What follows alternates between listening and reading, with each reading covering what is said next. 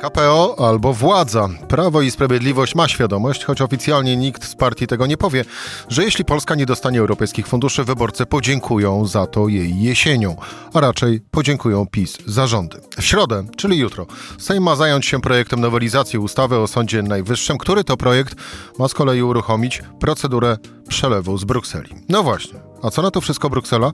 I o tym w rozmowie z Anną Słojewską, korespondentką Rzeczpospolitej w Brukseli. Rzecz w tym, że taki był dzień. Cezary Szymanek, zapraszam na codzienny podcast Rzeczpospolitej. Dziesiąty dzień stycznia, wtorek, przenosimy się do Brukseli. Tam jest e, Ania Słojewska, nasza korespondentka. Aniu, dzień dobry. Dzień dobry.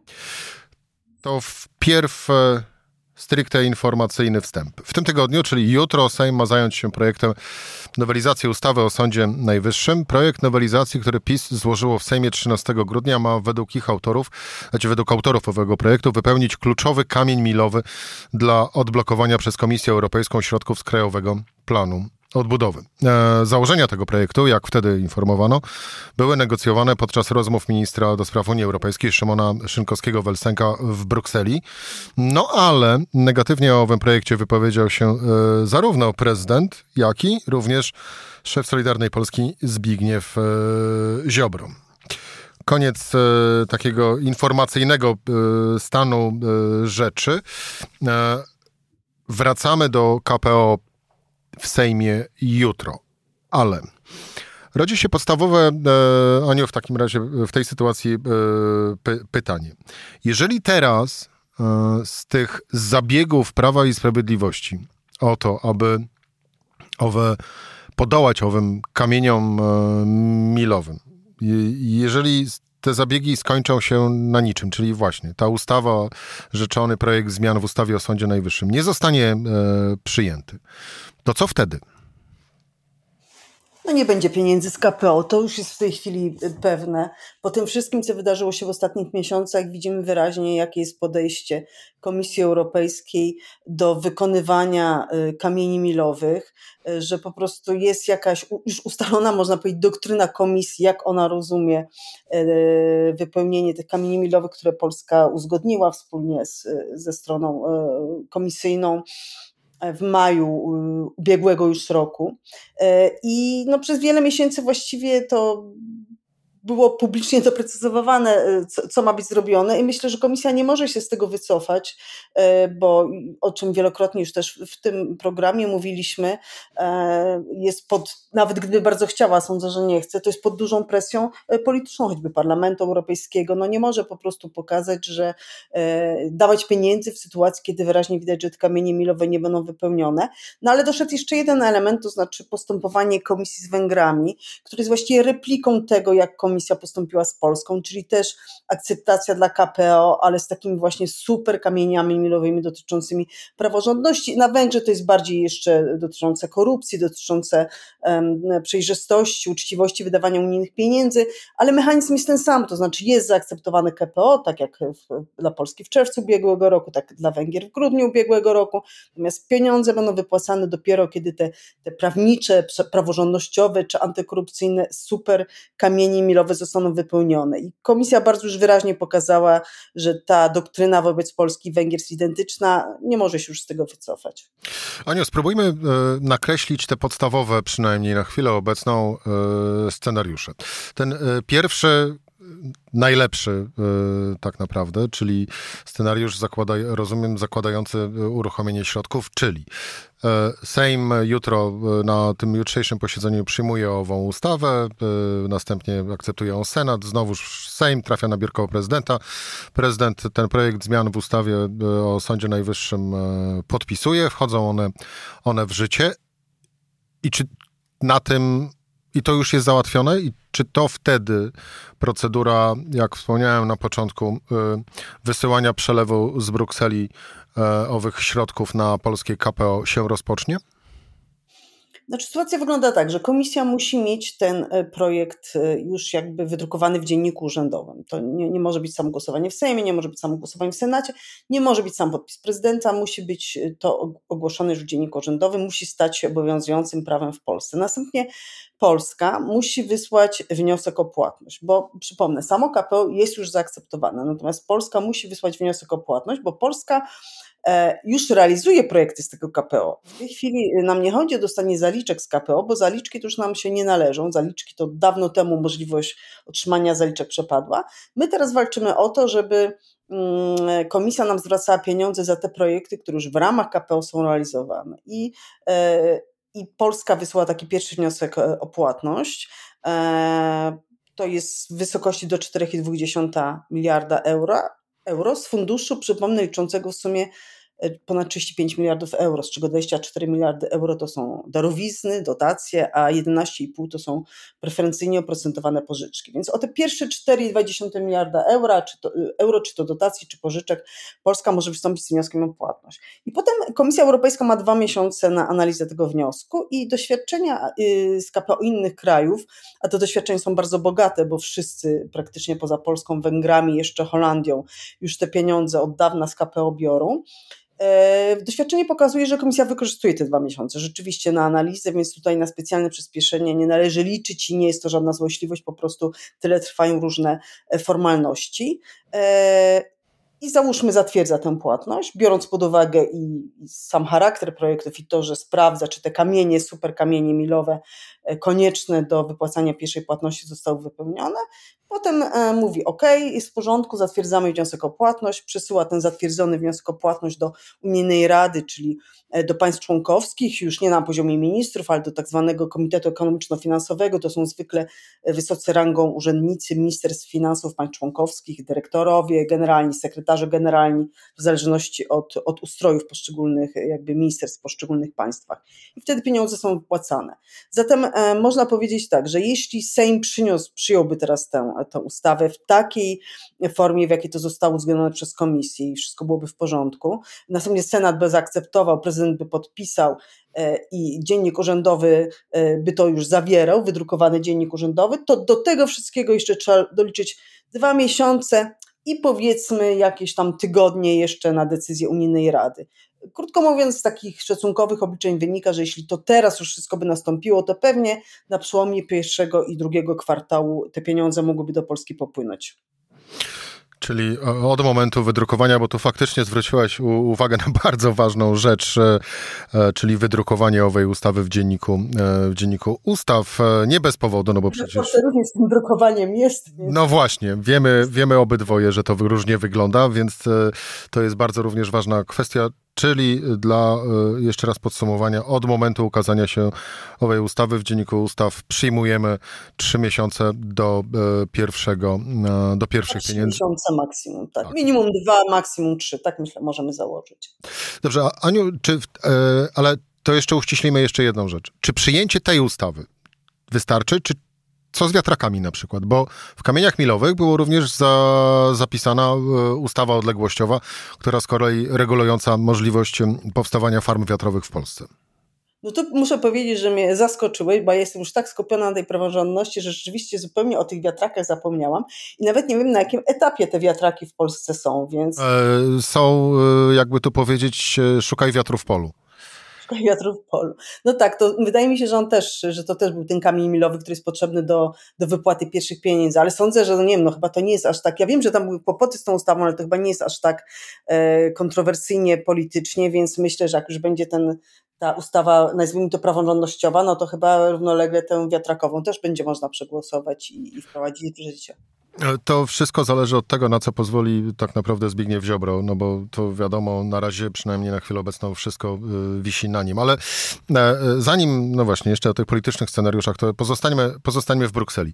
E, drugi możliwy scenariusz to jest taki, że na nic cała ta y, robota, y, ustawa przepadnie, czyli albo nie przyjmie ją Sejm, bo właśnie Zbigniew e, Ziobro będzie e, twardo przeciw, albo na przykład e, Prawo i Sprawiedliwość nie dogada się z prezydentem Andrzejem Dudą i ten ją zawetuje. Co wtedy? No wtedy sytuacja się nie zmienia, jest tak jak w tej chwili, czyli KPO polski formalnie jest zaakceptowany, y, jest, y, jest jakby obowiązującym prawem, jest przyjęty przez Unijną Radę. Są nawet do niego już w zeszłym roku y, zaakceptowane, uzgodnione takie, mm, takie procedury finansowe, procedury operacyjne i te pieniądze po prostu czekają na nas. No nie wiem, chyba w tej sytuacji już czekają po prostu na wybory jeśli się władza zmieni i ta nowa władza szybko szybko przeprowadzi zmiany y, konieczne do wypełnienia tych y, kamieni praworządnościowych, kamieni milowych, no to wtedy nastąpi ten scenariusz, o którym mówiliśmy wcześniej, czyli wszystkie te proceduralne kwestie plus uchwalenie w dzienniku rządowym. Choć oczywiście e, prezydent się nie zmieni, prawda? Więc jeśli prezydent ma, jeśli to z powodu prezydenta ta ustawa miałaby teraz nie wejść w życie, no to nawet zmiana władzy, jeśli opozycja dojdzie do władzy, to rozumiem, że potem chyba musiałaby być super większość, tylko żeby to weto prezydenta e, odrzucić, ale no to by oczywiście komplikowało sytuację. Jest jeszcze taki pośredni scenariusz, a mianowicie teraz się nie uda, no ale y, Prawo i Sprawiedliwość i rząd Mateusza Morawieckiego będą próbować, czy y, próbować dalej.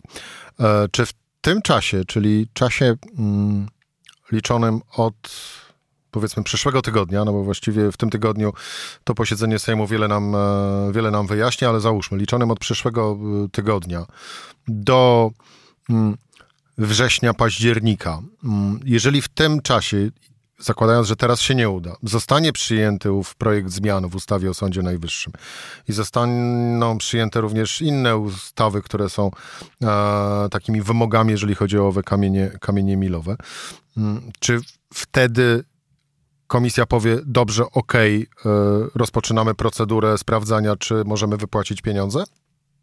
Tak, znaczy mi się wydaje, że komisja w każdej chwili może to zrobić, tylko ja się zastanawiam z punktu widzenia yy, PiS, prawda? Dlatego, że no rozumiem, że kluczowe jest, żeby te pieniądze zaczęły płynąć przed wyborami, żeby to miało jakiś efekt polityczny dla, dla partii rządzącej, korzystny efekt y, dla, dla partii rządzącej. E, no więc y, wydaje mi się, że załatwienie tego, nie wiem, nawet w czasie wakacji, czy, czy, czy tuż po wakacjach już chyba nie ma wielkiego sensu, bo, bo wyborca tych pieniędzy nie zobaczy. Znaczy, ja, ja osobiście uważam, że, że ta ustawa zostanie przyjęta, to znaczy chyba jeszcze nigdy w historii sporu o praworządność e, między Polską a Brukselą naprawdę PiS nie był tak pod ścianą, to znaczy on tak bardzo potrzebuje tych pieniędzy, że wydaje mi się, że albo to, to wszystko zostanie przyjęte tak, jak zostało uzgodnione z komisją, albo po prostu ten rząd poda się do dymisji, bo, bo kontynuowanie y, rządzenia bez pieniędzy i bez y, jakby no nie tylko, że fizycznie tych pieniędzy brakuje rządowi, ale że po prostu nie ma tego efektu dla wyborcy, że oto płyną pieniądze z Brukseli, no to, to chyba nie ma sensu, więc no jednak PiS musi te pieniądze dostać w jakimś takim okresie przed kampanią wyborczą, prawda, żeby mógł, mógł pokazać, że oto ulżyło nam wszystkim i, i on ma pieniądze, żeby e, no, żeby na jakieś projekty też, też dla wyborców. No tak działają partie polityczne. Nie pierwszy PiS będzie trochę te fundusze unijne wykorzystywał w takim e, celu, e, powiedzmy, reklamowym czy autopromocji i w sumie nic z tym złego, jeśli tylko będzie wypełniał unijne, unijne reguły i jakby wydawał te pieniądze zgodnie z prawem. No ale do tego to musi mieć odpowiednio wcześniej tę ustawę uchwaloną. A nie, czy Bruksela już jest zmęczona e, tym e, polskimi zabiegami e, o KPO, e, a właściwie polskim e, nieprzestrzeganiem zasad praworządności? Zmęczenie to może nie jest dobre słowo, bo to, to w sumie do, dość często się tak zdarza, że tak się zastanawiam, a, że Bruksela jest zmęczona tym czy tamtym. No nie jest zmęczona, jest potężny aparat urzędniczy, który który po prostu tutaj sumiennie i konsekwentnie zajmuje się tysiącem różnych rzeczy, wśród których jest też polska praworządność. Nie jest to ani najważniejsza, ale nie jest to na pewno też najmniej ważna sprawa. Yy, nie wiem, jeśli popatrzymy choćby, co komisja robi z Wielką Brytanią, mimo że Brexit już dawno nastąpił i po prostu jak, jakie tam są problemy, ile tam jest negocjacji, ile tam jest ciągłych dyskusji nad tym samym, nad tą samą kwestią od, od kilku już dobrych lat, yy, no to tam jest, tam jest dopiero zmęczenie. U nas to jednak jakieś tam progres w międzyczasie nastąpił. E, więc może nie jest to zmęczenie, no ale na pewno jest taka, no jest taki rodzaj rozczarowania, bo, bo w sumie Polska ma teraz niezłą, niezłą passę, inaczej niż Węgry zupełnie, prawda? No bo Węgry jednak tutaj są bardzo, bardzo krytykowane w Unii, głównie w kontekście wojny z Ukrainą. Polska naprawdę ma świetną passę, jest bardzo takim aktywnym, pozytywnym członkiem Unii w kontekście tego naszego, mm, całej tej nowej sytuacji geopolitycznej, tego, tego zagrożenia na wschodzie. I naprawdę jakby tylko ten spór o praworządność został zakończony, to, to myślę, że, że z radością Polska Polska by została przyjęta jako znów ten taki konstruktywny, aktywny e, członek, znaczy jest członkiem Unii Europejskiej, ale jakby na, na, na powrót byłaby tym konstruktywnym e, państwem, które naprawdę liczy się e, w procesie decyzyjnym w wielu istotnych kwestiach. Nie jest tak, że w tej chwili się nie liczy, bo oczywiście mamy głos i, i, mamy, mamy wagę tego głosu, no ale to nam bardzo, bardzo ciąży i myślę, że komisji też zależałoby na tym, żeby już ten ciężar zdjąć. I na koniec pozostaje nam jeszcze jedna, e, jedna kwestia, a mianowicie przy tym scenariuszu, kiedy ustawa nie zostanie przyjęta to właściwie, no, przynajmniej dopóki nie zostanie przyjęta, można zakładać, że tak już będzie do, do końca te, tej kadencji Prawa i Sprawiedliwości, to y, zawiesza nam środki y, na Krajowy Plan Odbudowy. Ale czy to dalej y, stawia również pod znakiem zapytania fundusze z tej normalnej perspektywy budżetowej, z normalnego budżetu? Tak, moim zdaniem zdecydowanie tak. Zresztą to jasno wynikało z, ze stanowiska komisji, o którym Rzeczpospolita y, parę miesięcy temu. No, dokładnie tak. Nawiązuje w prostej linii do tego twojego tekstu sprzed kilkunastu, kilkunastu tygodni, aktualizując właściwie stan rzeczy. Czy dalej to obowiązuje, tak, takie podejście? Tak, bo tutaj nic się nie zmieniło. Tam też to zastrzeżenie wobec środków z polityki spójności, czyli tego, tego wielkiego budżetu, tam 80 czy 90 miliardów euro dla Polski, one też ono też dotyczyło kwestii praworządnościowych, więc dopóki nie zmieni się sytuacja z KPO, to komisja nie może, e, bo, to po prostu niespójne, gdyby powiedziała, no tak, to na potrzeby KPO to praworządność jest e, w Polsce nie ma praworządności, a na potrzeby polityki spójności i funduszy z unijnego budżetu e, to praworządność jest. Tyle, że oczywiście myślę, że dla mm, efekt polityczny dla, dla PiSu jest identyczny, to znaczy, e, to znaczy i blokowanie pieniędzy z KPO, i blokowanie pieniędzy z wielkiego budżetu działa tak samo źle na wyborcę, a myślę, że nawet to drugie działa gorzej, bo tych pieniędzy z dużego budżetu jest więcej niż pieniędzy z KPO. Natomiast efekt doraźny, finansowy w postaci e, szybko wypłaconych pieniędzy, które mogłyby ulżyć budżetowi państwa, to KPO jest ważniejszy, bo z KPO, e, jeśli chodzi o politykę spójności, no to tam te projekty będą się dopiero dopiero rozpędzać, to myślę, że jakoś pod koniec roku jakieś pierwsze istotniejsze pieniądze mogą być wypłacane. Natomiast KPO, no to właściwie już w momencie, w którym jest zatwierdzono wniosek o płatność, czyli za te e, hipotetycznie 2-3 miesiące już by, e, już by te pieniądze mogły być wypłacone, już to by była wielka ulga dla, dla rządu. Z Brukseli Anna Słojewska, korespondentka e, Rzeczpospolitej. Aniu, dziękuję Ci bardzo za to uporządkowanie dalszych losów Krajowego Planu Odbudowy. Dziękuję bardzo. Dziękuję bardzo. To była Rzecz w tym we wtorek. Cezary Szymanek do usłyszenia jutro o tej samej porze.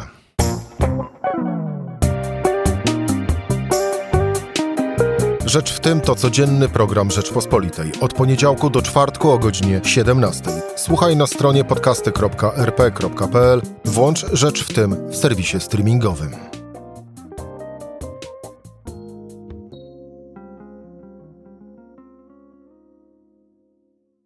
Poznaj mocne strony Rzeczpospolitej. Wejdź na prenumerata rp.pl. Polecam. Bogusław Rabota, redaktor naczelny.